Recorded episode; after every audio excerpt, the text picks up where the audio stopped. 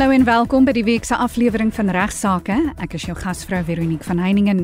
In die week se episode van Regsake sit Ignas Kleinsmid en Esmerie McCallahan van van Velden Duffy Prokureurs die gesprek rondom paartjies wat saam bly en hulle regte voort.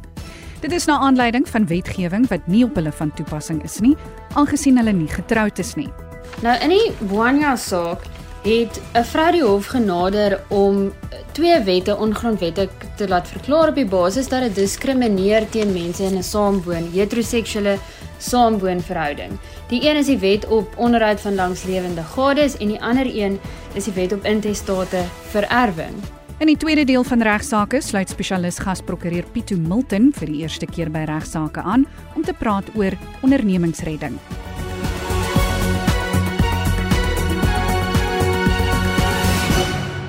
Ons begin nou die program met Ignas Kleinsmid en Esmerie McCallahan, beide van van Velden Duffy Prokureurs in Rustenburg, wat die week verder praat oor mense wat saam bly en hulle regte ten opsigte van wetgewing wat nie op hulle van toepassing is nie, aangesien hulle nie getroud is nie. Nou in die Bwania saak het 'n vrou die hof genader om twee wette ongrondwettig te laat verklaar op die basis dat dit diskrimineer teen mense in 'n saamwoon heteroseksuele saamwoonverhouding. Die een is die wet op onderhoud van langslewende gades en die ander een is die wet op intestate vererwing. Nou in hierdie geval was sy in 'n vir 'n geruime tyd in 'n verhouding met die oorledene gewees en soms het sy by hom geslaap en soms het sy in haar eie woning geslaap, maar hulle was vir 'n ruk lank in 'n verhouding en sy het beweer dat hulle in 'n permanente saamwoonverhouding was en dat sy dus geregtig moet wees om uit sy boedel uit te erf en om onderhoud te eis. Nou, ek het vroeër genoem in die vroeë 2000s in die Volksteen Robinson aangeleentheid het die hof gesê nee. As jy gekies het om nie te trou nie, dan kan jy nie die voordele van die huwelik aan die einde wil hê nie. Maar in hierdie saak het die konstitusionele hof gesê die samelewing het gemoderniseer en die hof het uitgelig dat teen 2016 was daar 3.2 miljoen paartjies wat in saamwoonverhoudings was eerder as om getroud te wees. Goeie genoeg, ek dink hoeveel is dit nou al? Ja, dit is nou al waarskynlik heel wat meer. En die hof het gesê enige vorm van 'n familielewe, hoe ook al jy jou familielewe saamstel, behoort dieselfde beskerming voor die reg te kry. En dit sluit dan nou in mense in 'n saamwoonverhouding. Ja. So die hof het op die einde beslis in hierdie saak dat die hierdie twee wette so gelees moet word dat oorlewende of langslewende gade ook 'n persoon in 'n permanente saamwoonverhouding insluit. So nou kan mense in 'n permanente hmm. saamwoonverhouding ook erf in terme van die intestate wet as ook onderhoud eis in terme van die wet op onderhoud van langslewende gades. Ja, so ons hoewe probeer hulle bes om hierdie mense wat hulle self in hierdie moeilike situasie hmm. laat begewe het, wel van hulp te wees. Onder andere is daar ook in ons regstelsel 'n aanpassing gewees byvoorbeeld tot die effek dat 'n testamentêre bemaking in 'n langslewende mate dis 'n verhouding wat bedoel was om permanent te wees aftrekbaar is vir boedelbelasting wat artikel 4 kie van die boedelbelastingwet reël dieselfde is met 'n gade in 'n formele huwelik. Daar is dus vir saambleiers nie 'n erskeringswet nie maar daar is ook sekerlik 'n reg om onderhoudseis in te stel. Die probleem wat mense hiermee het wat baie moeilik is is om te besluit wanneer mens nou wel 'n lewenslange verbintenis het. Ja. En wanneer mens geregtig is op wederwysige onderhoud en wanneer hierdie hulp wat die howe en die wetgewing ons gee van toepassing gaan wees. Moet ek 'n maand saam bly? Moet ek 'n jaar saam bly? Wanneer is dit 'n werklike verbintenis? Ek sê maar volstaan op hierdie stadium dat dat elke geval sal beoordeel word op die feite. Ja. Om te bepaal of hulle werklik bedoel het om 'n permanente verbintenis daar te stel al dan nie. En mens moet onthou op daardie stadium as een van die vennote reeds oorlede is, dan is dit dikwels die woord van die langslewende vennoot teen die res van die familie. En dit is 'n groot gestryery altyd. En dan moet jy mooi kyk na watse bewyse kan jy voor die hof sit om die hof te oortuig dat jy werklik in 'n permanente saamwoonverhouding was en dat dit die dat die bedoeling van die oorledene was om iets aan jou na te laat en om 'n onderhoudsplig teenoor jou te hê. Nou nou is daar nie 'n beter uitweg eintlik om hierdie tipe moeilike sake te vermy op die ouend van die dag. Ja, op die gevaar af dat ek gaan oor vir eenvoudig is daar 'n baie logiese en baie maklike, 'n baie natuurlike uitweg vir mense. En dit is eenvoudig om hulle onderskeie regte en verpligtinge wat hulle teenoor mekaar het formeel op skrif te stel. Hierdie opstel van 'n saamwoon ooreenkoms sonder so 'n kontrak is 'n paartjie se regte vaag en verwarrend en bestaan daar beslis groot twyfel oor hulle finansiële sekuriteit en so ooreenkomste tussen twee mense is 'n afdwingbare kontrak. Ja. En dis wat my betref self soms heel wat beter is as jy reg opstel as die gewone huweliksvoorwaarde kontrak. Ja. Want mens maak daarin kan mens vir alles en nog wat voorsiening maak. Ja, in my opinie is dit ook 'n baie maklike uitweg om enige dier uitgerekte litigasie of 'n gestryery na die tyd te Precies. te vermy. Het sy of een van die partye nou oorlede is en of die verhouding net tot 'n einde kom, daar's maar altyd 'n gestryery en om 'n een eenvoudige ooreenkoms voor die tyd of selfs gedurende die verhouding ehm um, te onderteken kan dat die partye eintlik baie trauma spaar op die ou end van die dag as hulle presies weet waar hulle met mekaar staan en hoe alles gereguleer moet word. Ja, baie mense praat van die universele vennootskap wat hulle kammersdougen is of wat hulle later wil beweer as daar moeilikheid kom dan sê hulle dit was 'n universele vennootskap. Die bewyslas is van 'n uh, universele vennootskap is nie 'n maklike een nie. In my lang loopbaan het ek dit 'n paar maal probeer en ek was ek dink ek was meer keer onsuksesvol as suksesvol Ja. om 'n ware universele vennootskap daar te stel. 'n uh, Universele vennootskap is die argument dat die partye hulle in dieselfde situasie as gelyke vennote bevind. Mm. Somstyds is dit bewysbaar, maar baie baie baie moeilik. Ja, ek stem saam. Dit is baie moeilik om 'n universele vennootskap te bewys en en die hof staan sulke aansoeke dikwels nie toe nie. En hou in gedagte dan as jy ook 'n paar duisend rand in 'n regsaak in, daar's altyd 'n wenner en verloorder as dit kom by 'n hofsaak en een party sit op die ou end van die dag met regskoste wat betaal moet word vir alles jy die partye is wat nie hierdie universele vennootskap kon bewys nie. En dan sit jy met geen bates eintlik seker op daardie stadium wat aan jou toegeken word nie. En ook jou eie regskoste en dikwels ook die regskoste van die teenkant op daardie stadium. Ja, is Marie, daar's geen formele vorm vereistes vir so 'n saamwoonverhouding nie. Daar's nie 'n voorvereiste dat dit uh, notarieel verlei moet word of iewers Glad nie, geregistreer nee. moet word, niks daarvan nie. Maar kom ons probeer vinnig. Ek sien ons het nog net 'n minuut of wat tyd vir mense sê wat in so 'n ooreenkoms behoort te wees. Ek dink die heel belangrikste goed wat mense dalk in daardie ooreenkoms moet sit is hulle moet mooi uiteensit wie vir watter skuld verantwoordelik is. Wie watter skuld moet betaal? Hulle moet mooi uiteensit hoe die roerende en onroerende bates bestuur moet word en wie se naam dit gaan wees, wie daarvoor moet betaal, wie die uitgawes daarvoor moet betaal. Wie gaan dit kry as dit as die, Wie as die, wie by die dit opbinding? kry? Ja, as ook of daar enige onderhoudsplig tussen hulle ontstaan. Dit is 'n baie belangrike een want dit is ook dikwels een van die groot probleme vir alles een persoon op 'n werk tydens die bestaan van hierdie verhouding. Is die onderhoudsplig ook een van die baie belangrike goeders wat mense in hierdie ooreenkomste moet sit. Ja, en dan natuurlik wat belangrik is, een betaal die huurgeld, die ander een betaal die kredietniersware, maar die kredietniersware is R1000 'n maand terwyl die verbandspaaiement R10000 of R20000 Ja. of R30000 'n maand is.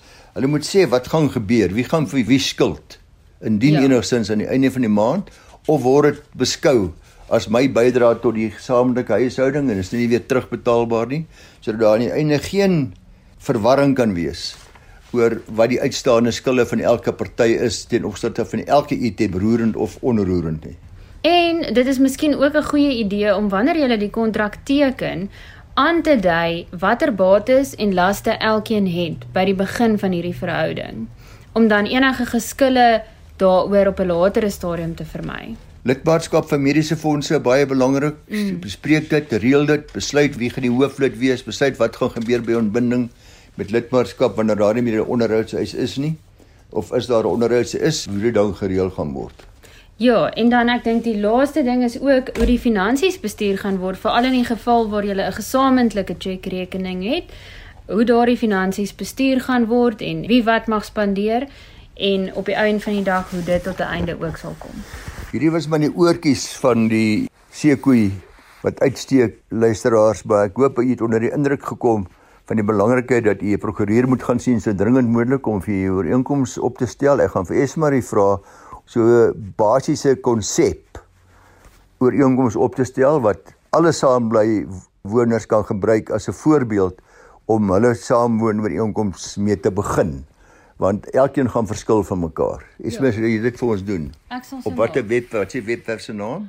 Ons sal dit plaas op www.vvd.co.za. Baie dankie aan die luisteraars en baie baie geseënde dag vir u. Ons praat graag weer met u volgende maandag om 12:30. Dankie Igna en Estmarie. Die week sluit prokureur Pieto Milton van Smit Sugulam ingelyf in Johannesburg vir die eerste keer by my aan om te praat oor ondernemingsredding. Baie welkom by Regsake Pieto en dankie vir jou tyd. Pieto, wat is ondernemingsredding oftewel sakeredding? Goeiemôre Veronique, goeiemôre luisteraars. Breedweg gesproke is ondernemingsredding 'n regsproses wat daarop gemik is om maatskappye wat in finansiële nood is te rehabiliteer. Hierdie regsproses word deur die Maatskappywet van 2008 beheer. Maar ondernemingsredding het eers in werking getree vanaf 1 Mei 2011. Dit is dus 'n redelike nuwe soort regsproses wat ontstaan as 'n alternatief tot likwidasie vir maatskappye wat hulself in finansiële nood bevind. So die maatskappywet verwys na ondernemingsredding, maar in die volksmond noem ons dit sommer sakeredding. 'n Maatskappy verkeer in finansiële nood wanneer dit redelik onwaarskynlik is dat die maatskappy in staat sal wees om binne die daaropvolgende 6 maande al sy skulde sal kan betaal na mate dit betaalbaar raak of dat dit redelik waarskynlik is dat die maatskappy binne die volgende 6 maande insolvent sal raak. Die rehabilitasie van 'n maatskappy wat homself in finansiële nood bevind, word in 3 stappe gefasiliteer.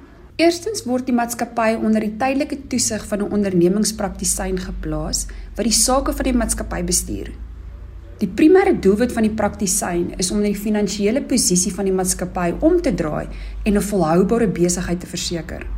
Tweedens, gedurende hierdie tydperk word alle regstappe teen die maatskappy opgeskort terwyl terugbetalingsplanne deur die praktisyn met krediteure onderhandel word. Dit beteken geen regstappe teen die maatskappy mag tydens ondernemingsreddingverrigtinge in enige vorm begin of voortgaan nie behalwe met die skriftelike toestemming van die praktisyn of met die magtiging van die Hooggeregshof.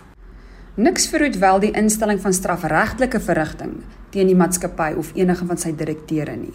Laastens word die rehabilitasieproses gefasiliteer deur die ontwikkeling en implementering van 'n ondernemingsreddingplan. Indien goedgekeur, dien hierdie plan om die maatskappy se besigheid, eiendom, skuld, sake en ander laste of ekwiteite te herstruktureer. So, hierdie meganisme van sakeredding bied vir maatskappye ruimte aan om sy sake te herstruktureer onder die bestuur van 'n praktisyn vir 'n ondernemingsreddingplan om ontwikkel te word wat die besigheid sal red uit sy finansiële noodtoestand uit en die maatskappy op 'n winsgewende wyse te laat voortduur. Goed, nou is sakeredding 'n beter alternatief as likwidasie. Dit is belangrik om in gedagte te hou dat die likwidasie van 'n maatskappy en die plasing van 'n maatskappy in sakeredding twee heeltemal afsonderlike prosesse is. Sakeredding is gemoed met die behoud van die bestaan van 'n maatskappy tot voordeel van sy belanghebbendes om die maatskappy na winsgewendheid terug te keer. Dis 'n poging om werk te red en die maatskappy toe te laat om voort te gaan om te handel as 'n ekonomiese bydraende entiteit. Likwidasie aan die ander kant is gemik om insolvente maatskappy op die mees billikste wyse te likwideer in terme waarvan die regte en belange van krediteure voorop staan. So 'n likwidateur kyk net na die belange van een groep mense en dit is die krediteure. In sakeredding kyk die praktisyn na al die geaffekteerde partye die werknemers, die aandeelhouers en dan natuurlik ook na die krediteure. Ons kan hierdie twee regsprosesse vergelyk met die mediese analogie. As die maatskappy op sterwe is, dan moet die maatskappy gaan vir likwidasie.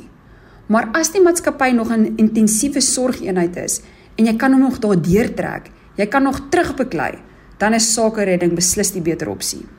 Daar moet egter in gedagte gehou word dat dit nie altyd moontlik is om 'n maatskappy sodanig te herorganiseer en te red dat dit weer op 'n winsgewende wyse tot verhandeling gebring kan word nie. Alhoewel dit in die meeste gevalle 'n ideale situasie kan wees, is dit nie altyd haalbaar nie.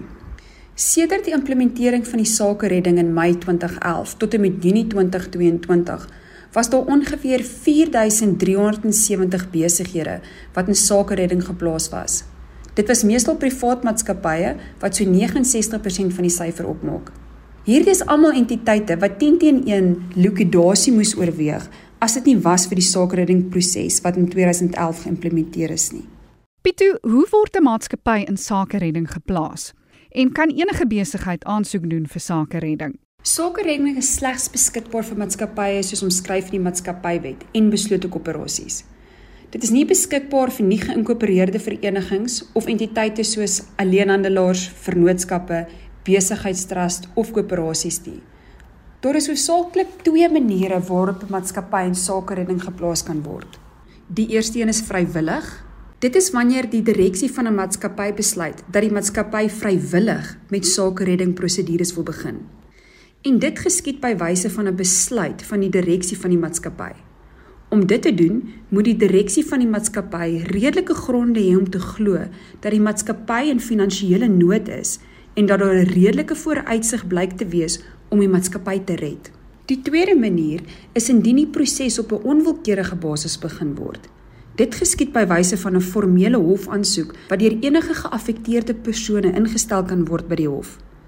'n Geaffekteerde persoon sluit in jou krediteure, jou aandeelhouers, geregistreerde vakbonde wat werknemers van die maatskappy verteenwoordig of werknemers wat nie deur 'n geregistreerde vakbond verteenwoordig word nie. So die geaffekteerde persoon bring dan 'n formele aansoek by die hof vir 'n bevel om die sakereddingproses te begin. Dit is belangrik om te let dat indien daar reeds 'n likwidasie aansoek hangend gemaak is teen 'n maatskappy, dan kan die maatskappy nie meer vrywilliglik by wyse van 'n direkteursresolusie in sakeredding geplaas word nie. So 'n maatskappy moet homself die vraag afvra: Is ek in finansiële nood? En as die maatskappy in finansiële nood is, maar die direksie besluit om nie 'n resolusie aan te neem nie, moet die direksie 'n skriftelike kennisgewing aan elke geaffekteerde persoon lewer en die redes versterk waarom hy nie so 'n resolusie aangeneem het nie. Dankie. En wat is die rol van 'n ondernemingsreddingspraktisyn? So praktisyn is 'n persoon wat ingevolge die maatskappywet aangestel is. Of soms is dit twee of meer persone wat gesamentlik aangestel is om toesig te hou oor die maatskappy gedurende die sakereddingsverrigtinge. Persoon mag as praktisyn van 'n maatskappy aangestel word slegs indien die persoon 'n lid met 'n goeie aansien van 'n regsrekenkundige of besigheidsbestuurprofessie is wat deur die Kommissie vir Maatskappye en Intellektuele Eiendom geakkrediteer en gelisensieer is. Die persoon mag nie aan 'n proefbevel onderhewig wees nie en die persoon kan ook nie gediskwalifiseer wees om as direkteur van die maatskappy op te tree nie. Die persoon mag nie enige ander verwantskap met die maatskappy hê wat 'n redelike en ingeligte derde party sou laat aflei dat die integriteit, onpartydigheid of objektiwiteit van daardie persoon deur daardie verwantskap in verdenking gebring word nie. Die praktisyn word deur die maatskappy se direkteure of per hofbevel aangestel. En al hoë verantwoordelikheid is om die maatskappy deur 'n herstruktureringsproses te lei en dit teen likwidasie te beskerm.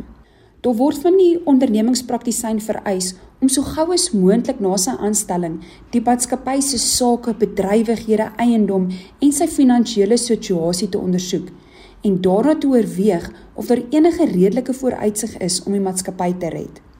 Die praktisyn is verantwoordelik om 'n ondernemingsreddingsplan te ontwikkel wat deur die geaffekteerde persone in ooreenstemming met die maatskappywet oorweeg moet word.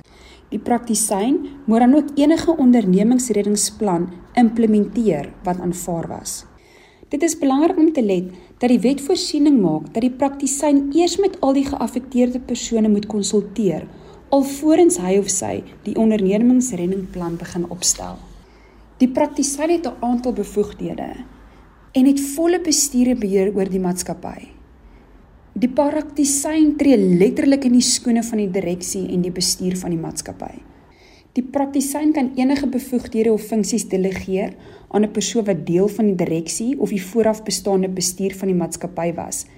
Die praktisyn kan ook enige persoon wat deel uitgemaak het van die vooraf bestaande bestuur uit sy amp onthef of 'n persoon as deel van die bestuur van die maatskappy aanstel. Tydens die sake reddingsverrigtinge is die praktisyn verplig om die maatskappy, die hof en enige geaffekteerde persoon in kennis te stel indien hy of sy bevind dat daar geen redelike vooruitsigte is dat die maatskappy gered kan word nie of as daar nie meer redelike gronde is om te glo dat die maatskappy in finansiële nood is nie. Die voordeel om 'n maatskappy vrywilliglik in sakeredding te plaas is dat die maatskappy sy eie praktisyn kan aanstel. Praktiese oorwegings waarna gekyk moet word wanneer jy 'n praktisyn voorstel, is die grootte van die maatskappy klein maatskappy kan dalk regkom met 'n junior praktisyn, terwyl groter maatskappye sal moet kyk na 'n meer senior praktisyn. Dit is relevant want die praktisyn word volgens 'n tarief betaal. Daar is voorgeskrewe tariewe vir 'n junior praktisyn en ander tariewe vir 'n senior praktisyn. Maar dit is absoluut aanbeveelbaar dat indien 'n maatskappy besluit dat die maatskappy vrywilliglik wil begin met sake redding om 'n regsgeleerde te konsulteer sodat die maatskappy geadviseer kan word oor die implementering en die aanstelling van 'n gepaste praktisyn. En net laastens Pieto, hoe lank duur die ondernemingsreddingsverrigtinge? Indien 'n maatskappy se ondernemingsreddingsverrigtinge nie binne 3 maande na die aanvang van die verrigtinge of sodanige langer tydperk as wat die hof op die aansoek van die praktisyn mag toelaat, geëindig het nie, moet die praktisyne verslag oor die vordering van die ondernemingsreddingsverrigtinge opstel en dit aan die einde van elke daaropvolgende maand opdateer totdat daardie verrigtinge geëindig het. Maar ons moet ook prakties wees. Omdat 'n ondernemingsplan so baie detail veg, is dit soms onprakties en nie adviseerbaar om dit binne 3 maande af te handel nie. Dit is veral die geval in groter besighede. Ondernemingsreddingsverrigtinge eindig wanneer die hof dit tersyde stel of die verrigtinge in likwidasieverrigtinge omskep word. Dit kan ook eindig by wyse van die praktisyn wat 'n kennisgewing van beëindiging van die ondernemingsreddingsverrigtinge by die kommissie indien of indien die ondernemingsreddingsplan verwerp is en geen geaffekteerde persoon opgetree het om die verrigtinge op enige wyse te verleng nie. Laaskens kan die verrigtinge ook eindig wanneer die ondernemingsreddingsplan aangeneem is en die praktisyn daarna 'n kennisgewing van wesenlike implementering van daardie plan ingedien het.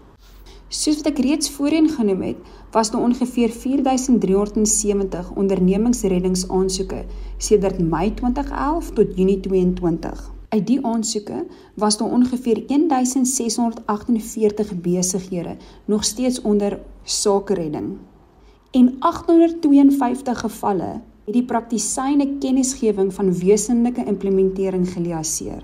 Alhoewel ons die syfer hoër sal wil sien, is dit nog steeds honderde maatskappye wat vandag ekonomies bydraende entiteite is as gevolg van die ondernemingsredding. Daar was slegs 546 aangeleenthede wat opgeëindig het in likwidasie. Baie dankie aan Ignas Kleinsmid en Esmerie McCallan van van Velden Duffy Prokureurs en natuurlik aan Pieto Milton van Smit Sugulam ingelyf wat die week deelgeneem het aan regsaake. Vir enige navrae stuur gerus 'n e-pos na my toe by vero@rsg.co.za en onthou dat die program op RSG se webtuiste onder die potgooi skakel beskikbaar is. Van my Veronique van Heiningen groete tot volgende week.